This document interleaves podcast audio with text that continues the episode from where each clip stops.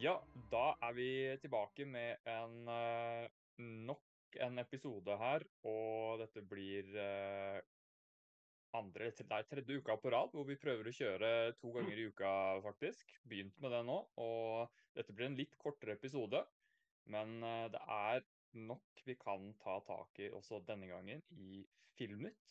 For dere som eventuelt er nye, så er jo dette da en ukentlig, noen ganger to ganger ukentlig, eh, podkast slash eh, YouTube-program hvor vi tar for oss det mest spennende innenfor eh, film og litt TV også. Og vi lager noen artige lister og ja, kommer med litt sånne temaer som vi har lyst til å legge inn i tillegg til de tingene som er mest aktuelt av de nyeste filmene. Så følg gjerne med. Vi dekker det meste av de store franchisene, så hvis du er veldig interessert i Star Wars, Marvel, DC og alt det andre av de mest populære tingene på kino og streaming, så er dette stedet å få med seg det. Vi er nå blitt en relativt fin gjeng på foreløpig fem stykker som er ganske aktive her, og vi er veldig åpne for å få med flere av oss. Og hvis du skulle være interessert i å være med å prate film og TV, så kan du bare sende meg en melding enten inne på siden, eller finne meg på Facebook, som heter Sindre Halldal. Vi er veldig åpne for folk som er interessert i film og TV og kan mye, gjerne innenfor spesifikke franchiser også, som Emanuel, som vi har med her, som styrer MCU-gruppa. Den store MCU-gruppa som er i Norge på Facebook med noen tusen. Og så har vi Roy, som også er veldig inn i superhelter, men også ser veldig mye annet som du har gjort nå i sommer. Så velkommen igjen til dere gutta. Andre gang på uh, fire dager nå. Takk, takk. Takk. Tenkte vi må begynne å prøve å liksom promotere litt mer eh, hva vi driver med her, og få folk eh, som har lyst til å bidra, til å bidra. Fordi det er jo kjempegøy at det her har blitt en sånn sosial greie. og Etter at dere ble med, så har jo dette her blitt mye morsommere enn det det var før. Da må jeg si, For da var det stort sett meg som satt og prata alene, noen ganger med eh, Olaf. Så den dynamikken vi har her nå, den koser jeg meg veldig med. Og i dag så skal vi først snakke om den nyeste episoden av uh, Secret Invasion. Og så deretter så blir det litt om en ny film som du har sett, Emanuel. 'Jesus Revolution. Og sesong det, Hvilken sesong var det, Roy, av Gotham Nights? Mm, det var, det var bare én. Det er bare én ja. sesong. Og så ble den dessverre kansellert. Og så siste, sånn aller, aller siste innspurt uh, før vi ser uh, Barbie og, og, Oppenheimer, da. Fordi det har jo nå kommet ut uh, de første ordentlige anmeldelsene av begge filmene. Da. Så vi skal ta en titt på de og se hva kritikerne sier om uh, den store duellen vi har på gang uh, den helgen her, da. Men vi kaster oss bare i gang med Six Innovation. Jeg har ikke rukket å se den ennå, men begge dere to har sett den. Så vi prøver å ta en litt sånn halvveis eh, spoilerfri omtale. Vi holder oss mest på det overfladiske i forhold til kvalitet og spenningskurve og sånn. Uh, men uh, kan tåle, kan tåle noen milde spoilere. Uh, hvis man absolutt ikke vil vite noen ting, så ta og hopp en 10-15 minutter fremover, tenker jeg. Ja, vi begynner hos deg, Emanuel. Nå var vi på episode fem. Det er nest siste. Og hvordan er feelinga her nå? Bygger det seg opp til en veldig spennende finale? Ja, det, det syns jeg faktisk eh, det gjør. Eh, nå begynner den der Gravic-karakteren begynner å, å, vise sine sanne farger nå, syns jeg. Så eh, det blir veldig, veldig spennende. Vi fikk litt mer forklaringer egentlig rundt ja, litt mer forklaringer rundt de der forskjellige DNA-ene og, og dette her. Og jeg synes at dette her blir, det her blir spennende. Eh, vi fikk ikke noe veldig Vi fikk en avklaring på slutten på forrige episode. Eh, men jeg vet ikke helt om jeg kjøper det enda. Eh, men jeg synes at Nå er jeg veldig spent på hvordan dette her slutter. Jeg synes dette her For min del så synes jeg dette her blir bedre og bedre for hver episode. Og Samuel L. Jackson fantastisk skuespiller. Så hadde det ikke vært for han, så tror jeg ikke den serien hadde vært like bra. Roy, er du, er du på samme spor som Manuel her? Ja, de, delvis. Altså, jeg har jo kritisert serien før for at jeg ikke føler at han, han er e, episk nok i forhold til at det er en det er en alien-rase som forsøker å ta over jorden. sant? Det, jeg, jeg, jeg, tenker at det her burde vært Det virker litt for grounded for hva eh, Russland er, da, synes jeg. Um, mm. Mm. Og så liker jeg Det, det som kommer fram med, med Gravik-episoden, liker jeg. Um, jeg liker at man får Kanskje i løpet av denne episoden så får man litt mer sånn innblikk i hvorfor han ikke har, uh, har ringt Aven Avengers.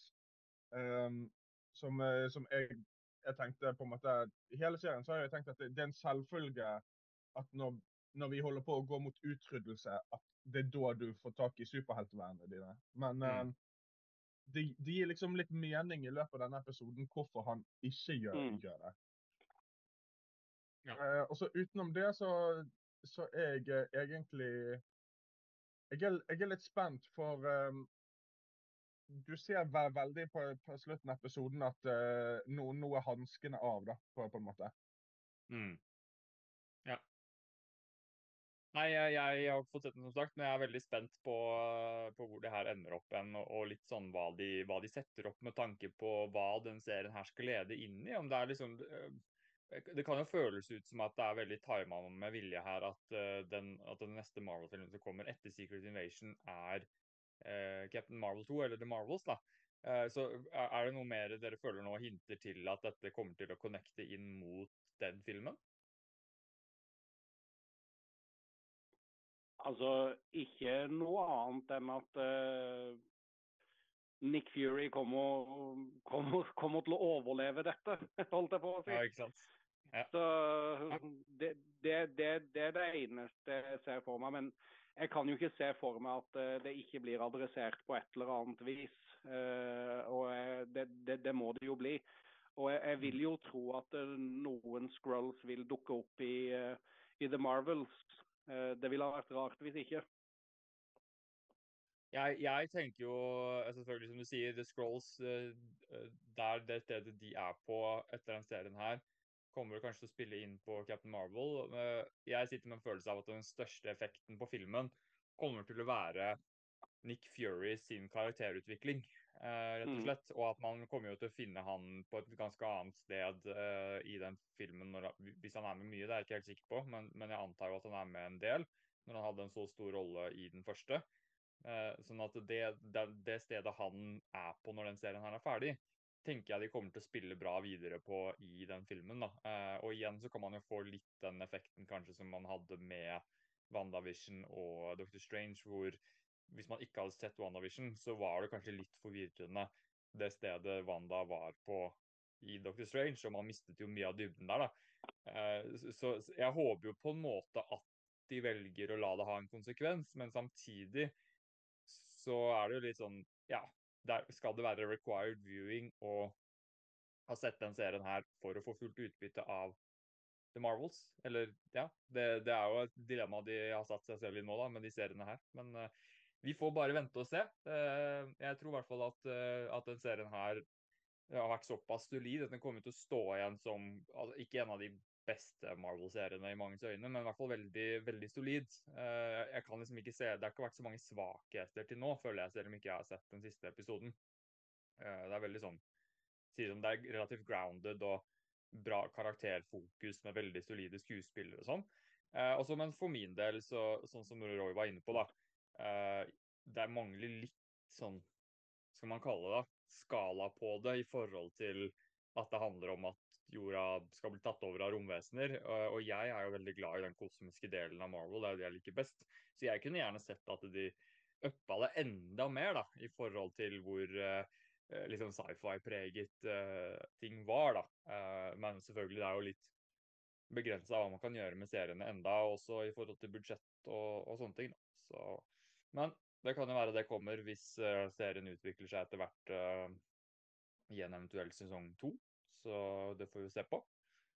Men er det noen sånn last predictions dere har nå før siste episoden, da? Uh, uten å nødvendigvis spoile altfor mye av dramatiske ting som har skjedd i episode fem? tror at uh, Photon da dukker opp i en after credit-scene. Unnskyld, hvem? Så Mo Monica Ram Ram Rambeau fra Wonder Vision. Å ja, ja, ja, ja, OK. Ja, da er jeg med. Jeg er ikke like inn i alle navnene, altså. det, det, det er uh, ja. Så hun, du tror hun dukker opp, ja. OK, det hadde jo gitt mening, da. Inn mot, uh, inn mot The Marvels, så den kjøper jeg. Emanuel? Ja, jeg tipper, eh, jeg tipper, også hun dukker opp. Jeg tror, hun dukker, jeg tror vi får se et sånn et lite klipp av at hun plutselig altså Sånn som Miss Marvel slutta. At vi får se at, uh, at hun havner opp et eller annet sted hvor hun bytter plass enten med Carol Danvers eller en av de andre. At vi får se samme type slutt da, som vi fikk på, på The Marvels, når plutselig Carol Danvers eh, dukka opp og tok eh, plassen til eh, Kamala Khan der på slutten. Mm, mm. Ja, nei, eh, jeg tenker at det også er en ålreit uh, prediction som fort kan, fort kan, skje. Jeg har jo ikke sett den siste episoden, så jeg vet ikke helt om jeg tør å, tør å spå. Men uh, hvis ikke det har blitt avslørt nå, innen, altså i slutten av episode fem, at uh, noen av de karakterene som man, man har sett dø, eller virker som er død, kommer tilbake, så tror jeg i hvert fall det også er en safe bet i episode seks. At i hvert fall en av de to uh, kommer til å ikke, vise seg å ikke være død allikevel. Da. Den tror jeg er ganske safe, eh, hvis ikke det er noe som allerede har vært adressert i episode fem. Da. Så, se, prøver jeg å se på reaksjonene deres her om det det var, nå var dere veldig bra begge to steinansikt. Så enten så er det ingenting i det, eller så var dere veldig flinke til å holde maska begge to.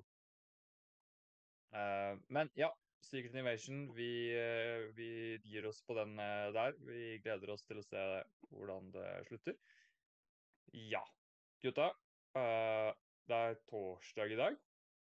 Stemmer ja. det, ikke sant? Jeg er ikke helt i sur med feriedagene. Jeg er torsdag i dag, og det betyr at i morgen så har både Barbie og Oppenheimer premiere. Og det har jo vært ekstremt mye snakk om, og vi har snakket veldig mye om, hvordan dette her kommer til å utarte seg, både i forhold til mottagelse og oppmerksomhet og box office og alt mulig. Og nå har man jo begynt å få en litt sånn pekepinn her, da. Jeg må jo si at vi har truffet ganske bra på mange av de predictionene vi har hatt. da, Når du ser på nå anmeldelsene som har kommet ut. Vi hadde jo en liten spådom på hvordan det kommer til å lande på Rotten Tomatoes. Og vi var begge, alle, alle var vel enige om at Oppenheimer kom til å være på 90-tallet. Et sted mellom 90 blank og 95, tror jeg vi alle var enige om, mener jeg husker. Uh, mulig at det var en som hadde litt høyere. Jeg har ikke hørt, jeg har, ikke hørt gjennom alt detaljene vi diskuterte der sist. Men uh, vi var veldig nærme, for den ligger på 93 sist jeg sjekka. Så det var jo veldig, veldig bra av oss, og veldig bra av filmen.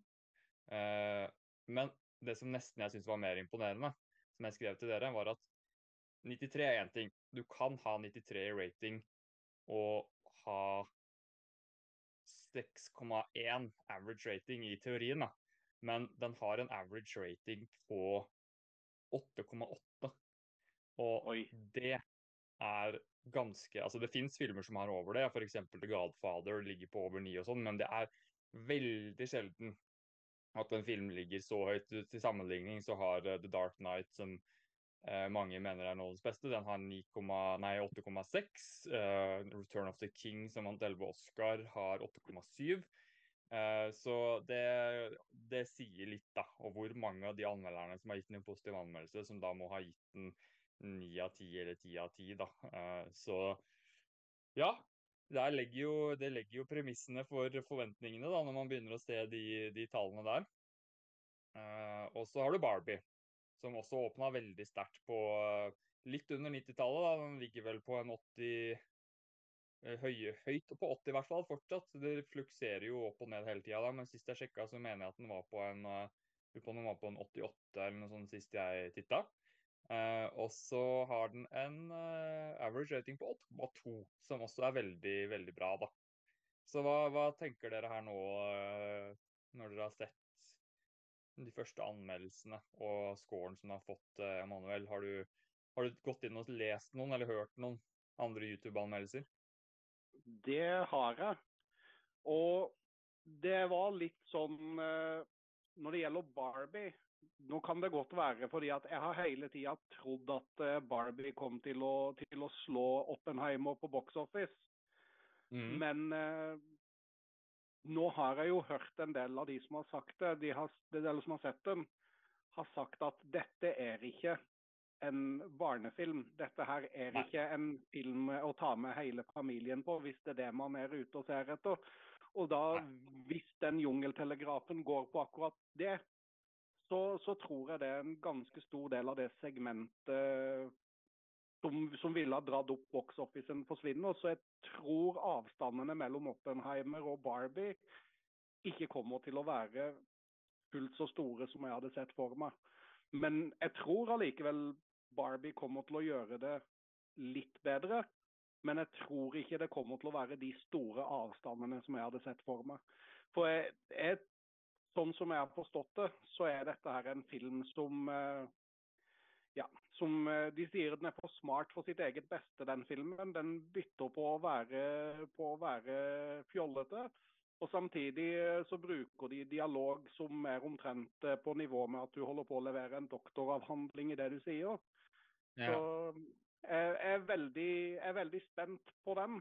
Men jeg er enda mer positiv til Oppenheimer enn det jeg har vært tidligere, når jeg også har sett eh, blant de jeg følger, hvor den har fått bedre, vesentlig bedre omtale enn det Barbie har fått. Men begge har fått god mm. omtale, så jeg er veldig spent mm. på begge to. Ja, Roy, hva har, du, hva har du fått med deg av omtalene?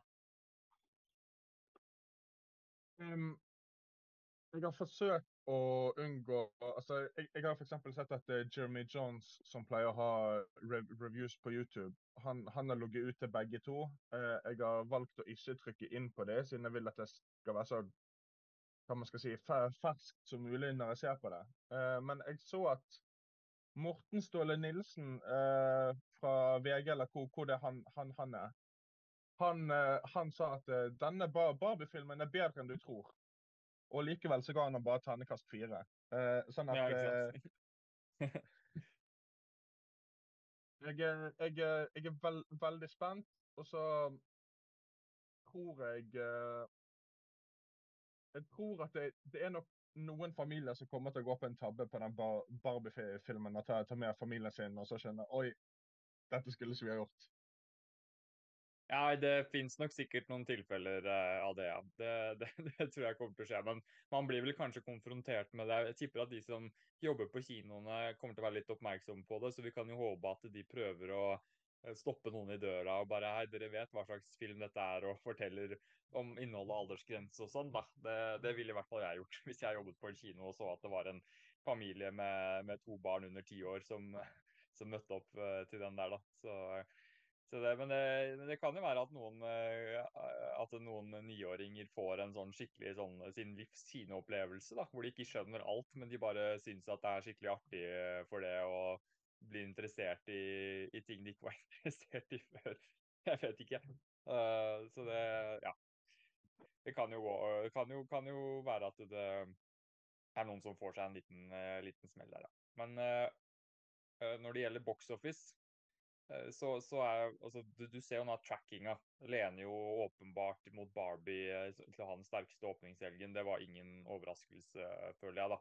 Uh, og at den åpner liksom mye mye, mye større enn en Oppenheimer, i hvert fall i USA. Så jeg er ikke helt sikker på verdensbasis, men det var vel litt av det samme der. Uh, men jeg står fortsatt for det jeg sa, at jeg tror Oppenheimer kommer til å spise seg eh, sakte, men sikkert inn over tid. da, eh, og, I og med at den har den kvaliteten den har, og flere og flere kommer til å oppdage den. Eh, men, jeg, jeg, ble litt overraska. Altså, jeg, si, jeg gikk inn på på, på, Oslo kino og alle kinoene i Oslo nå for å se oversikten over hva som var ledig av billetter på de to de første dagene. Og eh, det var jo ekstremt mye som var solgt på begge filmene. Eh, men, eh, men, en edge faktisk til Oppenheimer eh, i en såpass stor by med et såpass stort kinopublikum som det Oslo har. da. Så, så, der var det nok ganske klart favør Oppenheimer. På de, i hvert fall den åpningshelgen nå, da, på i hvert fall spesielt fredag og lørdag som jeg sjekka, så var det jo om, altså Det var jo selvfølgelig mulig å få billetter til begge, men i de store, gode salene som eh, jeg er vant med å gå i, hvor det vanligvis pleier å være greit å få billetter eh, en dag eller to i forveien fordi det er såpass mange visninger, så var det, spesielt i Imaxen, så var det jo omtrent helt utsolgt uh, helt frem til eh, et stykke ut i neste uke på Oppenheimer. Og det er en veldig god indikasjon på at den filmen kommer til å gjøre det veldig, veldig bra.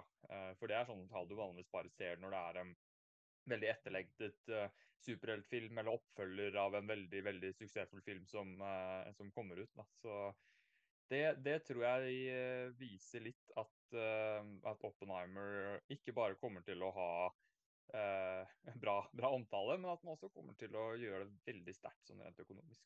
Jeg ser at Roy eh, rekker opp hånda her. Jeg skulle bare legge til at, uh, at uh, jeg så også at det var en artikkel som hadde skrevet om Oppenheimer, hvor de hadde kalt det for 'Dette er filmen i år du må se'. Uh, altså, ja. Ikke bør, men du må se den. Uh, sånn at uh, jeg, jeg, jeg, tror også at omtalen som, som, den får uh, kommer jo til å gjøre at, at den box-officen For jeg, jeg, føler på en måte at Barbie har vært mye mer på, på promotering. Men så er det akkurat mm. som om Oppenheimer ikke, ikke trenger det i samme grad. Nei. Nei, jeg tror altså at kvaliteten og pluss plus navnet til Nolan som filmskaper, ryktet hans, kommer til å være det som bærer den, eh, den filmen. Da. Men eh, et, eh, altså et, veldig gode argumenter mot min spådom om at Oppenheimer kommer til å gjøre det best til slutt, er jo lengden på filmen. Uh, og at det er en veldig mye dystrere film enn Barbie. Uh, sånn at det, det, vil jo kanskje være flere som har lyst på en god, morsom sommerfilm som ender opp med å se Barbie, og kanskje utsetter Oppenheimer, uh, og i tillegg til at det har en tematikk som for mange nå i verden kan være litt sånn småekkel med den situasjonen man er i og sånn. Uh, så, så, det kan jo rett og slett være det at det er noen som unngår filmen pga. det, selv om de tror den vil være bra. Og, og så har man jo også den faktoren med repeat, repeat viewing. Så tror jeg at bortsett fra sånne som oss som er veldig spesielt interessert i, i film, så, er, så, tror jeg kanskje det er flere som har, kommer til å ha lyst til å se eventuelt Barbie en gang nummer to en Oppenheimer en gang nummer to, da, når man først har sittet gjennom de tre timene der. Eh, jeg kommer jo kanskje til å ha lyst til å se den igjen hvis jeg ser den første gangen uten at det er Imax. Så kommer jeg f.eks. til å ha lyst til å teste Imax-formatet. Eh, men eh, ja, det, det, er litt der jeg tenker at Barbie har en, en edge da, på, på den tonen og på, på, lengden, rett og slett. da.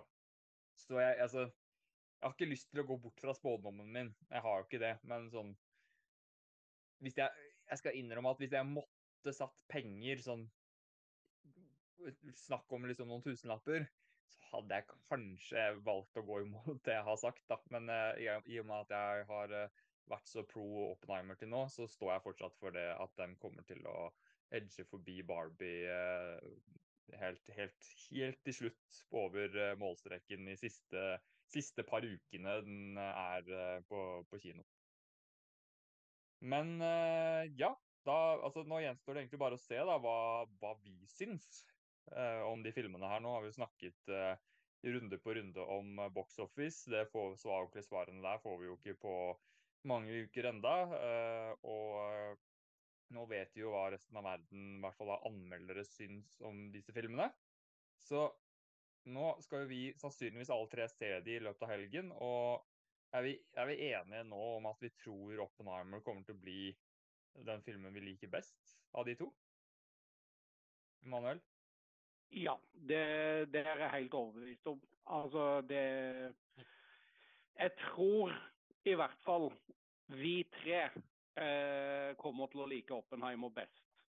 Ja, Så er, jo spørsmålet da, så er jo spørsmålet da Kona mi skal være med meg og se begge. Det kan godt Mm. være at hun liker Barbie bedre hvis, hvis dere skal hvis dere skal ha med dere kjæreste eller noe sånt på, på dette her. og Det Mm. kan godt være at de ville ha foretrukket Barbie, men for oss, tre- for oss tre så tror jeg vi er skrudd sammen slik at vi kommer til å foretrekke Oppenheimer. Det tror jeg. Enig, Roy? Jeg er litt Jeg heller litt mot Ba- Barbie, altså, men det, det handler bare 100% om på en måte altså, den subjektive ja, Nei, nei, jeg, altså Nå må man også, også tenke at sånn Musikalsjangeren og sånn står, står jo høyt hos meg. Og så har jeg hørt at Ken har sin egen sang i filmen og sånn. Mm. Eh, sånn at jeg tror at, at den Bar Barbie-filmen kommer til å slå an i større grad enn hva man kanskje forventer. da. Ja. Hos, hos meg, iallfall. Ja, nei, altså jeg har en, godt, jeg har en pekepinn her da, på folk som er sånn ikke så inn som oss, men fortsatt er ganske interessert. Da jeg har en kompis som er med meg på hytta her nå, som er godt over gjennomsnittet filminteressert, og egentlig veldig stor fan av Nolan og Nolan sine filmer. Han pleier å glede seg veldig, og han har gledet seg til Oppenheimer og snakket om den lenge med meg. Uh, så jeg tok det liksom for gitt at han var langt mer gira på den enn Barbie. Og så, og så spurte jeg han, fordi vi skal være her nå uh, frem til lørdag. Uh, og så er det jo en kino ikke så veldig langt unna som vi var og så Mission Impossible på.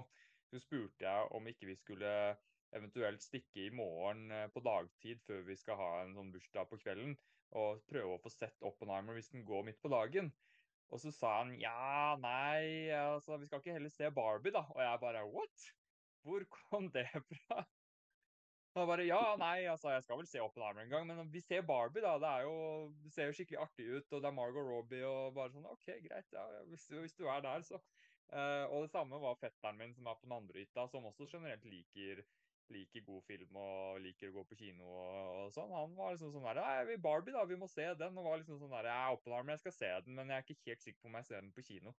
Uh, så, så der ser du jo litt, da. At det er jo kanskje overraskende mange som har fått den derre Både pga. hvem som er med, men også markedskampanjen da, på Barbie, som har vært uh, veldig, veldig bra. Så Men altså, vi får se, da. Oppenheimer kommer til å spre seg som eh, som ilden i, i tørt gress på, på hva folk sier om den, tenker jeg. Så det blir spennende å følge. Men uh, da tenker jeg at vi kan, uh, at vi kan eh, legge den død nå til vi faktisk har sett den. For nå har vi jo hatt liksom tre-fire runder med diskusjoner uten å ha sett de selv. Så blir det spennende å se hva vi har å si etterpå. Da lurer jeg på om vi skal ta denne her lille lista som vi skulle lage til i dag. Uh, og det er da Guilty Pleasure-filmer, hvor de, vi da har laget hver vår topp fem Guilty Pleasure, som vi da skal uh, si til hverandre. Men først så tar vi en pause. Yes. Ja, Guilty Pleasure-filmer. Vi snakket jo litt om det sist. Jeg syns det er bitte lite grann vanskelig å definere da, eh, en Guilty Pleasure. Det går jo rett og slett bare på feelinga som eh, jeg kanskje landa på sist, da hva man føler rundt det. Og jeg skal innrømme at når jeg skulle lage lista, så, så slet jeg litt, fordi jeg føler generelt sånn veldig lite sånn flauhet eller skam rundt å like filmer. Jeg har litt den der greia med at hvis, du, hvis en film er skikkelig underholdende på en eller annen måte, så er den Ja, da er det på en måte en god film, selv om det har svakheter. Så det blir kanskje for min del litt med hva som er hva som er innholdet i forhold til hva som er vanlig for kanskje en, en, en mann på min alder like, da. Kanskje det går litt mer på det, mer enn på kvaliteten på filmene, kanskje. I hvert fall på et par av de. Uh, så ja, jeg, jeg, jeg, slet litt, for jeg, jeg, vil, jeg vil egentlig påstå, sånn fra mitt perspektiv, at alle filmene jeg har med, egentlig er relativt gode filmer på mange måter, selv om mange, mange vil være uenige med meg. Uh, så det er ikke fordi at jeg er flau over det, men det er mer med, som jeg sier da, mer med innholdet og det perspektivet som kanskje andre har på noen av de filmene. Så uh, tenker vi bare går uh, rett på sak med Emanuel, siden Roy han driver og tar seg en liten uh, sigg, ser jeg. så han skal få lov til å vente på tur. så vi begynner jo da nederst, så jobber vi oss oppover. Og så skal vi kåre mellom oss etterpå hvem som hadde den kleineste lista, da. Det er viktig. Ja. Og Emanuel, din Ja. nummer fem, nå er jeg spent her. Jeg vet at du liker mye, så her er det Her kan det være hva som helst. Ja. Eh, nå har jeg, jeg har tatt med både filmer og serier her.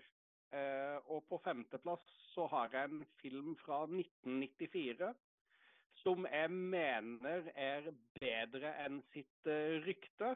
Og som jeg har eh, store forventninger til at, eh, vi kom, at det kommer til å paye off eh, noe. Og det er faktisk The Next Karate Kid med Hilary Swank fra 1994. Oi, oi, oi. Oi, oi, Den synes, den synes jeg er bedre enn sitt rykte. Jeg syns den har ja. vokst eh, mer og mer på meg.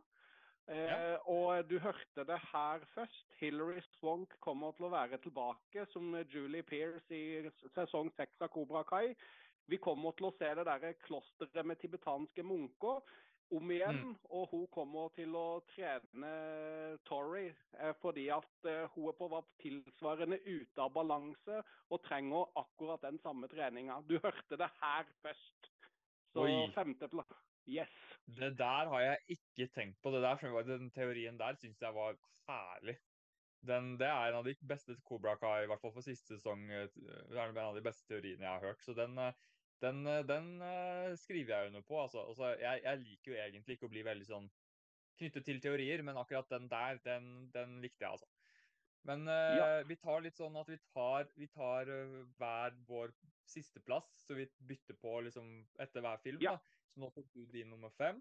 Så tar jeg min nummer fem nå. Eh, og jeg hadde helt glemt det, at du sa at vi kunne ta både filmer og TV-serier. Eh, for jeg har nå bare tenkt filmer. Så idet du sa det, så måtte jeg begynne å gjøre lista på nytt i hodet mitt. Eh, jeg måtte rett og slett bytte ut eh, et par av de. Eh, men jeg må bare spørre om en ting, hva, hva dere tenker nå. Fordi hvis jeg skal ta guilty pleasure basert på hva jeg har likt hele livet mitt, så vil det bli en annen liste enn hva jeg liker akkurat nå.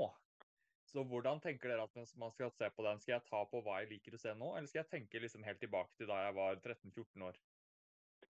Nei, det- tenker du kan ta ting som eh, du godt kan se på nå, som kanskje kan oppfattes litt kleint for andre, men som du allikevel ikke nødvendigvis Du kan allikevel stå inne for det, holdt jeg på å si. Selv om det kanskje fort kan oppfattes litt kleint, eller tenker at dette her burde egentlig ikke like så godt som det gjør. Ok, men da tar vi ikke Da baserer jeg ikke på, på hva 13 år gamle Sindre så på. Eh, fordi det hadde blitt en litt annen liste. For da hadde jeg hatt med Da hadde min eh, Da hadde nok min førsteplass blitt uh, Days of Our Lives. som jeg så på i en eh, tidlig, tidlig tenårene. Eh, som jeg så relativt mange episoder av, og det er jeg ganske flau over den dag i dag. Selv om jeg ikke har, har ikke noe problem med å si det, men jeg syns fortsatt det er litt flaut. da. Ja, men vet du hva? Jeg, sy jeg synes jo eh, glamour, eller bold and the beautiful som det heter, det, det så jeg mye på når jeg var liten. Ja, ikke sant. Ja. Og så ville jeg, vil jeg også hatt med Jeg ville hatt med Charmed, den med de heksene. Den, Ja. eh, den har jeg dratt med der. Så OK. Men uh, min, uh, min nummer fem, uh, som jeg da er den jeg er minst flau over å, å ha på lista, det blir jo da en film som har fått rimelig mye kritikk eh, for eh, spesielt mye klein dialog eh, og veldig klisjé kjærlighetshistorie. Eh, og det blir eh, Star Wars episode 2, Attack of the Clones. Eh, og det er vel ikke det at jeg liker filmen sånn, fordi det er mange som liker deler av filmen og har noe fint å si om sekvenser og, og enkelte storylines innad i filmen. Det er vel mer det at jeg Hvor godt jeg har likt filmen fra jeg så den første gangen, og at jeg faktisk ikke har noen problemer med kjærlighetshistorien og dialogen heller. I hvert fall ikke på samme måte som mange andre har. Eh, og jeg så jo da, det er jo også tilbake til den tidlige tenårene mine. Da, jeg så den jo tror det var syv ganger eller noe sånt. Jeg så Attack of the Clones på kino og kunne ikke skjønne hvordan noen ikke syntes at det var en helt fantastisk bra eh, Star Wars-film.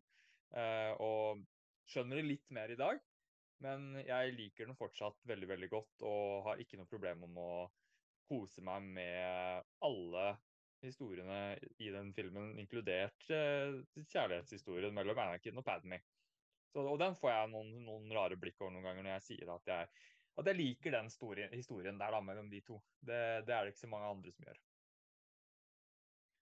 Ja. Så Roy, du har fortsatt lyst til å være med å lage, lage ting på kanalen her, håper jeg, etter at jeg fortalte det? Ja, eh, jeg, eh, jeg, sy jeg syns jo at uh, selv, selv, om jeg, jeg, ikke liker han, så, så syns jeg jo at uh, den her uh, scenen med Anakin hvor han snakker om, uh, om sand sammen med Papadme, er jo en ikonisk scene. Ja, ikke sant? Jeg, jeg, kan fortsatt ikke skjønne hvordan han ikke ble nominert for beste skuespiller og George Lucas ikke vant for beste dialog når du har en sånn scene som det der, som alene fortjener alle prisene. som er ja, det, ja, nei, den, eh, det var jo til og med mange som brukte den da på Celebration. Når eh, Hayden Christensen var på scenen, så var det folk som begynte å skrike opp down I don't like sand og sånn. Men uh, det gjorde de med god, det gjorde de med glimt i øyet. da. Han har fått mye kjærlighet i det siste, og det er bra. Men din nummer fem? Da skal vi inn i musikalverdenen. Uh, og jeg jeg tenkte at jeg skulle ta denne her, for det er vel den musikalfilmen som jeg har likt best. Som jeg tror folk rundt meg eh, bare ikke har likt. Og Vi skal til Tom Cruise, og vi skal til Rock of Ages. Eh, musik musikalfilmen hvor du har Tom Cruise synge 'Wanted, Dead or Alive', er, er for meg eh, det, det, blir jeg aldri lei, lei av. Den har jeg faktisk ikke sett. Nei, den må du se. Den noterer jeg meg. Veldig bra. Veldig bra. OK. Emanuel, hvor skal vi hen nå? Du, nå skal vi til uh, Norge, holdt jeg på å si. Um, jeg er jo uh, korpsnerd, uh, og i tillegg og jeg synes, selv om filmen ikke representerer korpskulturen sånn som den egentlig er, så synes jeg det er noe sjarmerende festlig, uansett hvor dårlig det enn måtte være. Så synes jeg Orps The Movie den har jeg på fjerdeplass på, eh, på, på Guilty Pleasure-lista mi. mm. Ja, den har jeg nok eh, heller ikke sett, tror jeg. Nei, det er ganske kleint, altså. Men allikevel så er det noe veldig, veldig festlig med det. ja, nei, det jeg skal se den og så dømme hvor kleint det er. Det blir jo dumt da, hvis det er flere av filmene man ikke har sett, så blir det litt dumt. Og, men vi får jo prøve å bare, vi må jo bare dømme ut ifra de, det vi faktisk har sett. Uh, og ja. da skal jeg uh, følge opp med den samme filmen som du hadde i stad, Manuel, med The Next uh, Karate Kid på fjerdeplass. Og det er jo Altså, skal jeg være helt ærlig, så jeg vet ikke om jeg hadde vært flau over å like den hvis jeg ikke visste at det var så mange andre som ikke likte den. Fordi ja, det er jo en del klisjeer og noe av skuespillet og dialogen som er klart dårligere enn de andre Karate Kid-filmene, syns jeg, sånn i, i, visse scener. Men jeg syns at den har en del ting med seg som er veldig sjarmerende. Og det har nok mye med at jeg er fantastisk glad i Mr. Miyagi-karakteren, og han er en av mine favorittkarakterer på film noensinne. Så alle scener han er med i, koser jo jeg meg vanvittig med. Uh, og jeg syns at musikken også bærer de filmene veldig. da. Sånn at uh, Jeg har sett den et par ganger faktisk de siste par åra, og hver gang sittet og tenkt liksom, hvorfor, hvorfor er det den her får så mye crap, liksom. Og så er det et par øyeblikk her og der hvor man liksom skjønner OK, her, det, her er den så dårlig akkurat her og nå, som mange sier. Men så er det resten av filmen som er sånn Som jeg syns faktisk er ganske ålreit, altså. Så, ja. så der går det rett og slett mer på at jeg vet hvor mange som syns den er ræva, og at jeg da blir litt flau for å si til andre at jeg syns ikke den er så dårlig. Rett og slett. Nei, Jeg tror det at mye av grunnen til at den oppfattes som dårlig, er jo fordi at de der, de der skurkene, spesielt de der ungdomsskurkene, eller de er jo ikke skurker, de er misleda ungdom, holdt jeg på å si. Men eh, Mm. de er veldig, de, de blir veldig karikerte i, i atferden sin. Og det blir litt eh, urealistisk, men altså Pat Morita og Hilary Swank gjør en kjempejobb i den gjør, i den, gjør en kjempejobb i den filmen. Så det er Og igjen, musikken. Vi bevegde oss fra 80-tallet til 90-tallet. Fikk vi høre litt Cranberries i bakgrunnen og litt sånn som Mm. det der. Jeg, ja, jeg syns den er bedre enn sitt rykte. Ja, og jeg er enig, veldig enig i det du sier der, at den, den, den relasjonen mellom de to, den syns jeg funker veldig, veldig bra eh, og har mye sjel. eh, mens eh, hoved, altså det som er veldig mye dårligere her enn i, Karate Kid-filmene, er bad guys, som du sier. Både den ungdomsgjengen, men også han som på en måte skal være den nye versjonen av Crease. Da. Det, det bare Der hadde de ikke det hadde de ikke lagt mye arbeid i, da, for å si det sånn. Men resten av filmen funker. Roy, du har sett den, eller? Nei. Ja, har du ikke det? OK, greit. Da har du en... Men du har sett de andre Karate Kid-filmene? Jeg har, jeg har sett den med Jackie Chan. eh, Nei, nei, nei, nei, nei, nei. nei. Oi, oi, oi, oi, oi. Det er kung fu. Hva, hva Kung er fu. det vi Det her er jo bra at man finner ut av eh, sånne ting, da. OK, greit. Men da, da, får, du, da får du sannsynligvis noen lekser etter hvert, da, tenker jeg. Fordi det er jo veldig gøy også å ha folk på kanalen som ikke har sett det som vi mener er gamle klassikere, da, i hvert fall den første filmen. Og så, så det å, å få deg til å se den for første gangen og gjøre en, en re review, kanskje til og med en liksom, liten reaksjon, kanskje man kunne gjort til og med, det hadde vært noe. Så det, det må vi notere oss. Uh, det, det, jeg gleder meg. det gleder meg. Sånn, sånne ting må jeg begynne å notere meg, hvem som ikke har sett de filmene som man bare må ha sett. Det, det skal vi gjøre til en greie. OK, så det var, eh, det var da min eh, nummer fire. Så Roy Da skal vi altså til, eh, til 2007. Vi skal til en film som, som enkelte anmeldere kalte for årets verste film det året. På Rotten Tomatoes så har han en score på 39 prosent. mm, uh, og det er Hot Rod. Andy Samberg sin eh, store film eh, eh, etter, eh, altså, etter at han ble kjent i Saturday Night Live. Da har han en film som heter Hot Rod, som handler om at han skal lage et stuntshow for å redde stefaren sin med hjerteoperasjon, sånn at han kan banke stefaren sin etterpå. Hmm. Um, det, er en, det er en fantastisk morsom film. Du får til og med, altså, Når han blir sint i løpet av den første halvtimen, så har han også en greie da med at han går inn i skogen og har sin egen sånn 80-talls dansemontasje i, i, i skogen der, eh, som jeg fint kan se, se for meg er inspirert av eh, filmer som Karate Kid eller et eller annet, f.eks. Eh, den er veldig, veldig morsom, eh, og eh, det var den som fikk meg opp øynene for Andy Samberg før han ble med i serier som Brooklyn 999 eh, og diverse. Den kan det være jeg har sett, fordi på den tida der så så jeg jo veldig mye. Det var jo fortsatt den tiden hvor de hadde mye leiefilmer på 7-Eleven i nærheten av meg, så da pleide jeg og kompiser å bare gå og leie alt mulig av rare filmer der. Så, så det, jeg kan ikke huske det ut fra det du sier nå, men tittelen er i hvert fall kjent for meg. Så, men hvor kleint det er at du liker den, det kan jeg vel egentlig ikke bedømme på en god måte. Men eh, Emanuel, har har du sett Hot Rod? Eh, Det tror jeg, det tror jeg ikke. Men eh, Andy Samberg eh, At han har gjort noe som er kleint, det, det tviler jeg ikke på. Det er ikke noe overraskelse. Men, men han er jo veldig morsom. altså Selv når han gjør de kleine tingene, så er det jo kjempemorsom. Jeg, så en, jeg jeg husker jeg så en mockumentary med han som heter 'Never Stop Stopping' eller et eller annet sånn. Veldig kleint, men kjempegøy. Så All da er vi, beveger vi oss over på topp tre, da, Manuel. Ja. Da skal vi uh, over til uh, vampyrer, men ikke Twilight. Vi skal, uh, vi skal, vi skal på TV, faktisk. Og her tar jeg hele fransisen under ett, fordi at det er tre serier i samme franchisen. Ah, ja. Og det er den derre Vampire Diaries-franchisen, som består av Vampire Diaries, Originals og Legacies. Der er, mener jeg at den i midten, den der Originals, den mener jeg oppriktig er bra. Eh, Så jeg har, jeg føler ikke så mye skam når det gjelder den.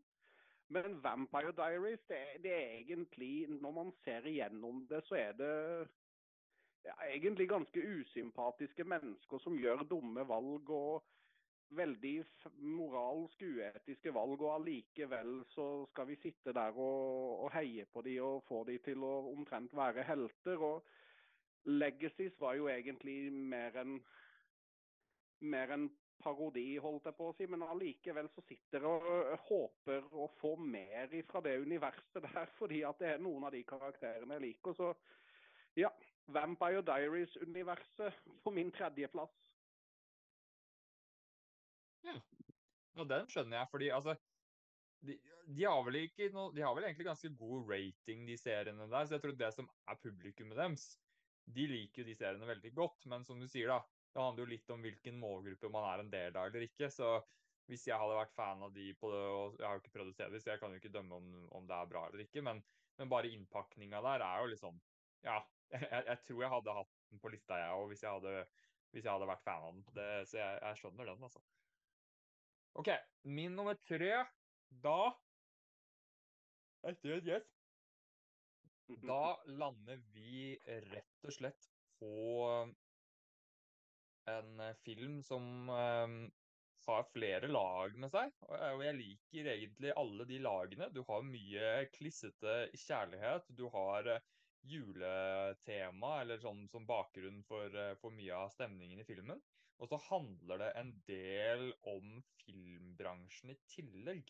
Har dere, kan dere lukte hvilken film jeg er inne på da?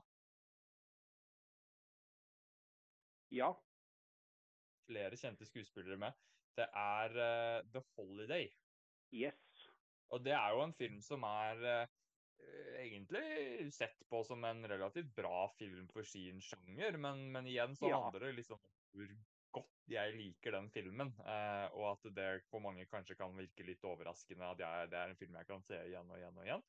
Så, men jeg er kanskje, kanskje liksom Kanskje jeg overvurderer litt eh, hvor mange som syns at det er kleint å like den, men, men det er jo liksom en klissete, romantisk eh, julefilm som eh, man kanskje tenker at jeg ikke er eh, hovedmålgruppen for, da. Men, eh, men igjen en film som, som jeg liker kanskje bedre enn det jeg burde gjøre, da, i forhold til hva jeg føler selv, da. Og en film som jeg til og med setter på selv om det ikke er jul, eh, som jeg kan sitte og se midt i sommerferien, da. Uh, så litt, litt flau over hvor, hvor veldig glad jeg er i The Holiday, men jeg tror det har mye med å gjøre at det er en god julefilm, men det er også en film som på en sjarmerende måte handler litt om filmbransjen. og Hans Zimmer har lagd musikken.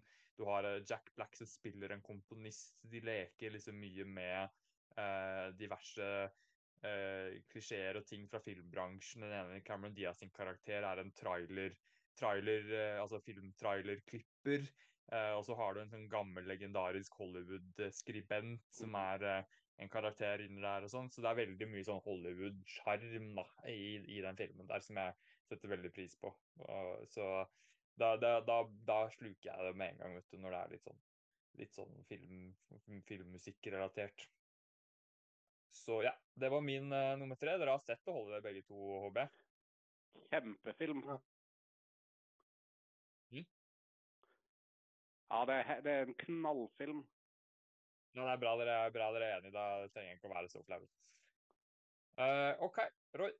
Hva, da har du vel eh, Da tenker jeg at du har uh, Movie 43 kommer nå, vet du. For du er en type som liker den filmen. Hvis du vet hvilken film vi snakker om. Nei, den, den, den tror ikke jeg har hørt om. Men, men nå skal vi til, eh, til TV-serier. Og vi skal til en TV-serie hvor hvis vi hadde stoppet etter første sesongen, så hadde ikke denne kommet på listen i det hele tatt. OK.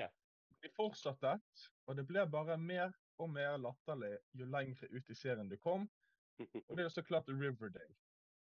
Ja, ja, Riverdale ja, ja. som, som er serien som begynner som eh, egentlig bare en sånn krimserie hvor man skal forsøke å finne ut hva, hva som egentlig har skjedd, og, og løse det her mysteriet. Som ender i sjette sesongen med at alle har superkrefter, og alle ligger med alle. Eh, og det, det, er bare altså, Det er så langt vekke fra or, or, originalmaterialet så, som du kan komme. da. Um, så når alle andre på en måte sa det her blir for dumt, nå stopper jeg, så fortsatte jeg å se, se på det. For det var liksom en sånn trang inni meg til Men hvor mye særere kan det her bli? Ja, jeg kan, jeg kan skjønne hva du mener. ja. Litt den, altså Selvfølgelig sett på som en kanskje bedre serie, selv om mange mente den ble dårligere etter hvert. Men jeg hadde litt samme greia med Lost. Eh, når den bare ble særere og særere, så var jeg sånn Ja, men dette er jo gøy! Ja, det er ikke like, det er ikke like bra, og man begynner, begynner å bli litt repetativt med disse flashbackene og sånn. Men jeg var sånn OK, hva er neste wacky ideen de kommer med nå? Har du, har du time travel og sånn? Så jeg, jeg var der da med Lost, liksom. Så jeg kunne, kunne vurdert å, å, ha med, men jeg følte ikke at den serien er ikke, er ikke sett på som dårlig nok til å ha helt med på den lista her, da, selv om mange syns de siste sesongene var teite.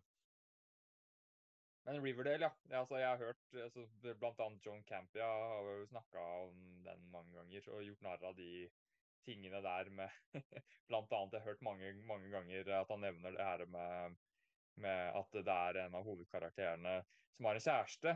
Og så har hun en venninne som, uh, som uh, ikke kan ha sex med noen fordi alle hun har sex med, dør. Men, men kjæresten hennes er usårlig, så hun lar da bestevenninna og kjæresten sin ha sex mens hun ser på, fordi det er en tjeneste mot venninna som ikke kan ha sex med noen andre. da. Så bare den scenen der i seg selv, som jeg har hørt beskrevet flere ganger, setter jo liksom tonen på hvor sprø den serien har blitt etter hvert.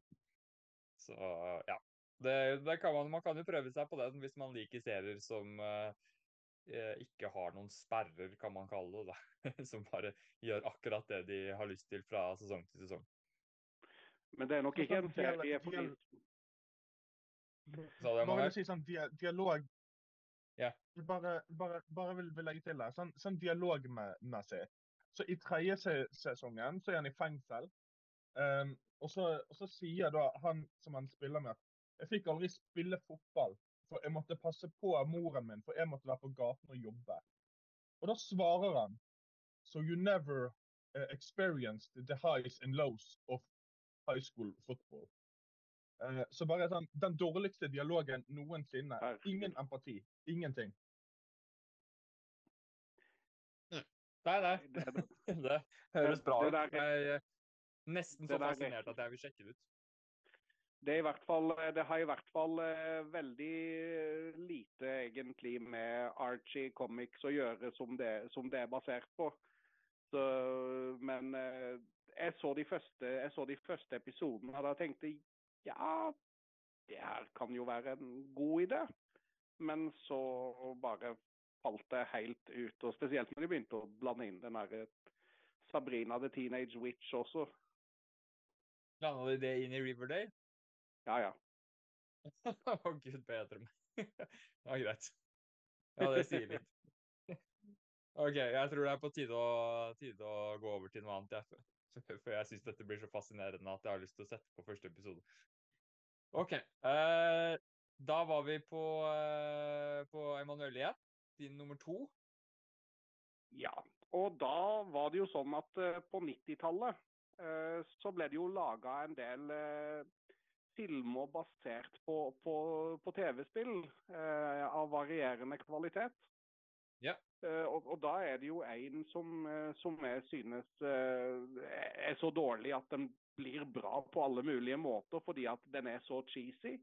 Og det er Double Dragon, basert på spillet Double Dragon. Robert Patrick har en rolle her, og så er det vel egentlig stort sett ganske mye ukjente skuespillere. og Det er spesielt en sånn sekvens hvor, hvor de sitter og snakker snakker sammen, og så kommer det i bakgrunnen en sånn en sang av Stevie B. Eh, en sånn skikkelig sånn der puseballade. og bare Hvordan er den plassert der? Men jeg synes det er herlig underholdende. Det er så dårlig at det blir kjempegøy. Så Double Dragon har jeg på min andreplass. Ja, nei, igjen så drar du opp ting her som jeg ikke har sett, altså, så det blir vanskelig for meg å dømme hvor kleint dette her er. Men uh, det, ja, jeg kan i hvert fall notere meg den, da, så jeg kan se den etter hvert og bedømme om jeg syns det er kleint eller ikke. Men det, det hørtes jo artig ut, da. Ja, det er kjempegøy. Det, det finnes ikke bra, men gud og gøy. Roy, har du hørt og sett om Double Dragon? Nei, jeg har ikke, jeg har ikke hørt om spillet engang. Nei, nei, ok. Da kan vi notere oss den begge to. Uh, ja, da var vi på min nummer to, og fortsetter jo litt i samme, eller egentlig veldig samme sporet her, får man jo egentlig si, da, med en uh, film som er ganske lik The Holiday på mange måter. Uh, en film med veldig mange kjente skuespillere i seg. og det er Love Actually. Og det er jo ikke Altså, igjen en film som mange som, mange som liker den type filmer, syns jo den er ålreit. Men uh, det er jo en film med mange klisjeer og egentlig ganske lite plott, kan man jo si, da, med 40 000 karakterer uh, som uh, er jo relativt velspilt, fordi det er så, såpass solide skuespillere, men altså, den er jo klein. Altså, den er jo, det er jo klisjé på klisjé på klisjé. og og sånn, men, men, men yes, altså, det, er, det, er, et eller annet med den som er veldig sjarmerende. Blir båret av av sjarmen til mange av de altså Liam Neeson, Hugh Grant, Colin Firth uh, og, og, og, hele gjengen der. da, Og Alan Rickman, liten cameo av Mr. Bean, Rowan Atkinson, Emma Thompson. altså Det er jo, er A-lister hele veien her som, som gir eh, litt tyngde til det litt tynne materialet her. da, så igjen syns jeg ikke det er sånn fryktelig kleint basert på kvaliteten, men mer det at det er en sånn klissete, romantisk julefilm som jeg bare syns er helt herlig og kan se igjen og igjen og igjen. da. Eh, så, så der går det også på litt på hvor godt jeg liker filmen, som gjør at jeg er litt flau over det. da. Men uh, den håper jeg også dere har sett, begge to. Christmas is all around. Ja.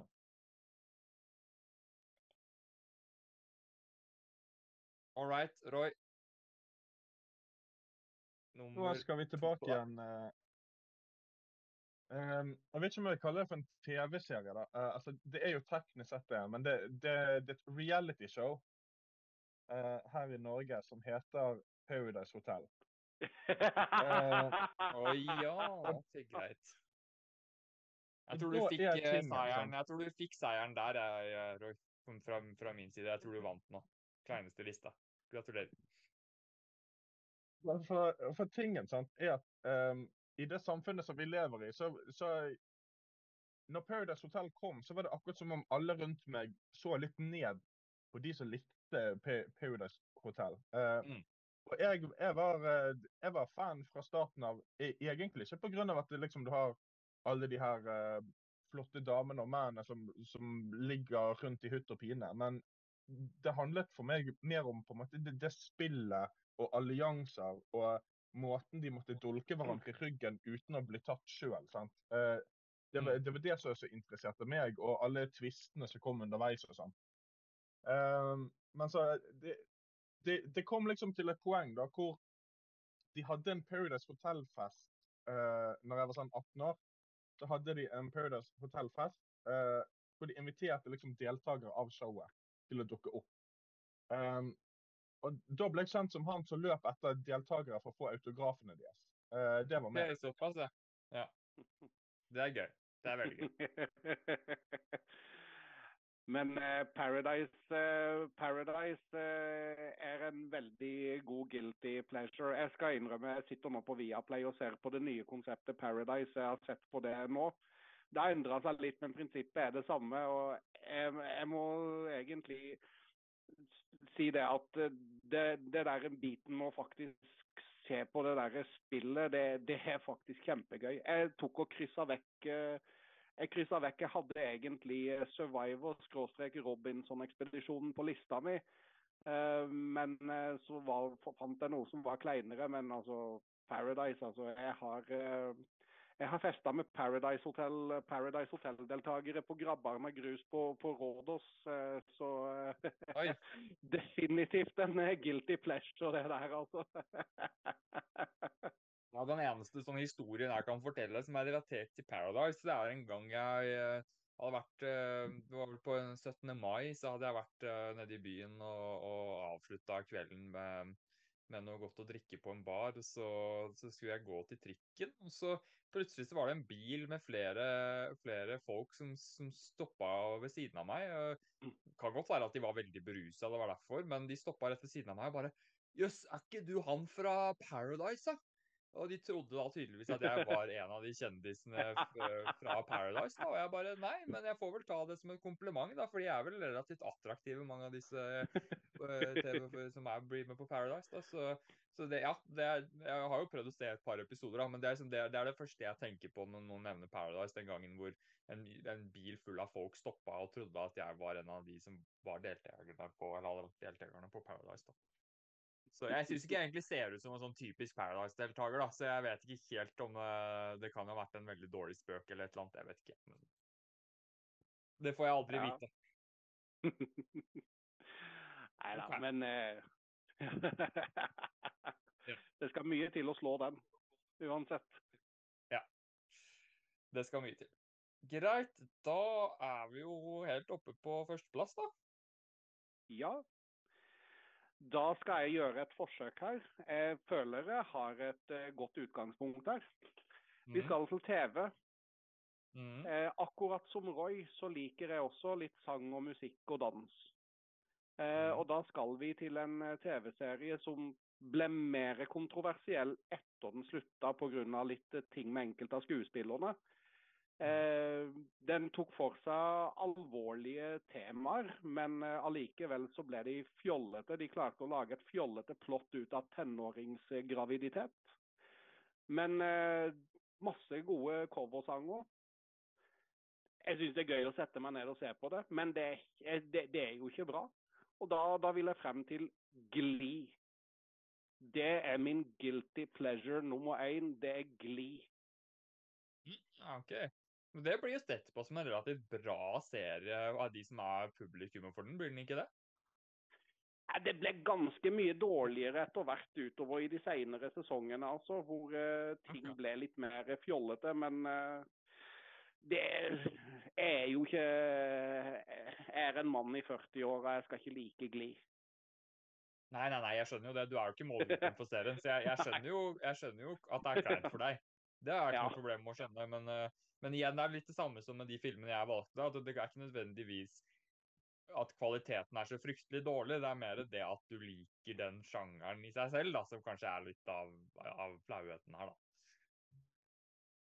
OK, da blir det min uh, nummer én, og da er det litt sånn igjen også Jeg er ikke sånn fryktelig flau, men, eh, men igjen så går det på hvor, mange andre som syns den filmen her er ræva, og blir sett på som den klart dårligste i en ellers ganske populær franchise. Uh, når jeg da sier at det er den femte filmen, kan Emanuel kanskje lukte seg til hvilken film jeg tenker på? Uh, ja, jeg prøver å tenke her. Ikke? Fem, jo, er den femte filmen kronologisk eller i, i, utgive, i utgivelse? I- Begge deler.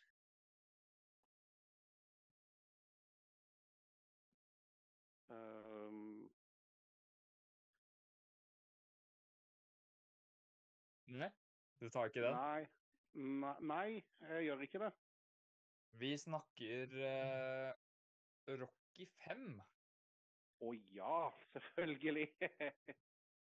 Rocky 5, fordi det er jo en film som uh, fått mye, mye pepper og mener at det er liksom det svarte fåret i den franchisen. Og jeg, helt fra jeg så den første gangen, så har jeg likt den veldig, veldig godt. Og har jo sett noen av svakhetene med den uh, når jeg har uh, blitt litt mer voksen i filmsmaken etter hvert. Men fortsatt. Hadde jo Rocky Marathon nå rett før jeg så Creed, og, og igjen så satt jeg der og koste meg med mesteparten av den filmen, selv om den har den derre musikkvideo-preget som både Rocky 3 og spesielt Rocky 4 hadde i veldig stor grad, da, hvor når du kommer sånn halvveis ut i filmen, og den har hatt relativt eh, sånn rolig karakter og historieoppbygging eh, som de to første rockfilmene hadde. Og så når du kommer til et visst sted i handlingen, så begynner den plutselig å spole gjennom plottet med musikkvideomontasjer for for å Mhm. komme seg veldig, veldig fort fremover. da. Eh, Så der mister den selvfølgelig mye dybde, men jeg syns fortsatt at det er en fryktelig underholdende film. Eh, og må jo da alltid være litt sånn småflau når folk snakker om, om hva de syns om Rocky-franchisen, og jeg sier at Rocky, jeg syns Rocky, 4, nei, Rocky 5 er en, er en ganske god film. eh, og at den på ingen Jeg hadde aldri på noen måte tenkt at det var en svakhet i den franchisen hvis ikke jeg eh, visste at det var noe andre tenkte. Så der igjen så går det Der går det ikke så mye på at jeg syns det er flaut å like den type film, men mer det at alle Jeg har nesten aldri snakka med noen, utenom kanskje deg, Manuel, som syns at det er en uh, god film. Så det, der går det rett og slett på, å være, være litt sånn nervøs på hva andre tenker om min filmsmak, da, når jeg sier at jeg liksom, Hvis vi snakker sportsfilmer, da, syns at både Karate Kid 3 og The Next Karate Kid og Rocky 5 er uh, veldig verdige installasjoner i, i, i de franchisene der, da. Uh, så, så får jeg ofte mange som rynker litt på nesa og kanskje tenker at kan vi ta filmsmaken din så veldig seriøst, Sindre, når du syns at de filmene der er gode? Eh, det er litt den, den holdninga der jeg er litt redd for å få. Og derfor så har jeg den på, på toppen av min eh, guilty pleasure-liste. Ja. Men eh, Rocky 5 eh, har jo Det har jo klart sine svakheter i forhold til resten av franchisen. Men allikevel, det var jo mye elementer med den filmen som, som gjør at jeg liker den godt, i hvert fall. Blant annet ja. så syns jeg det var gøy å se Rocky Balboa gå over i Street Fighter-modus eh, på slutten. Ja, og den ja, ja. derre siste, den siste replikken hans eh, når han blir trua med søksmål, og han bare svarer 'sue me for what'. Altså, den er en av mine favorittreplikker. Husker du hvilken annen, hvor, hvilket annet sted de bruker den?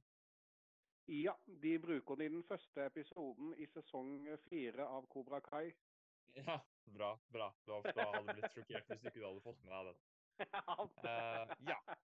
Så Roy, uh, du har Powerpuff uh, The Movie, eller hva det heter for noe. Igjen, da. Ja, nei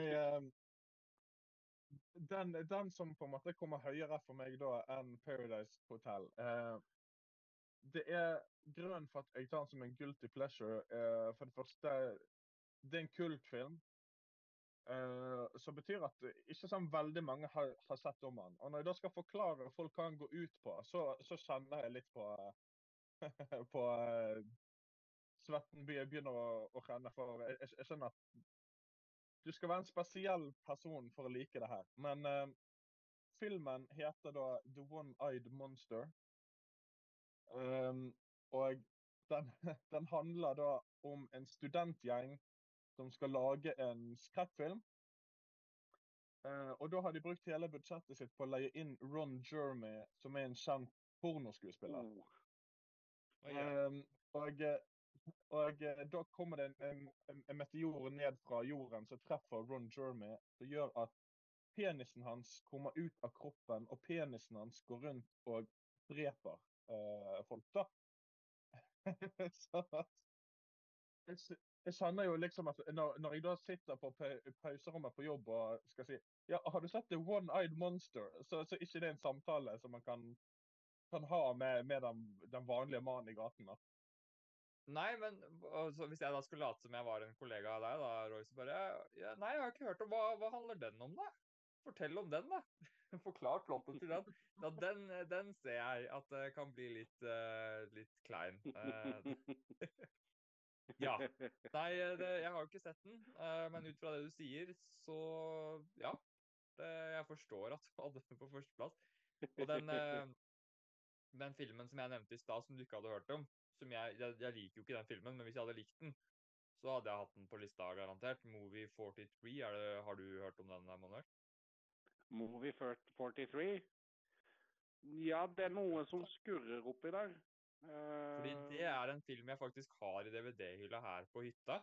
eh, som jeg ikke hadde hørt om heller når jeg prøvde å se den første gangen. Og så satte jeg på den og begynte å se igjennom, og for hver scene som gikk, så ble jeg bare mer og mer sjokkert over innholdet til filmen.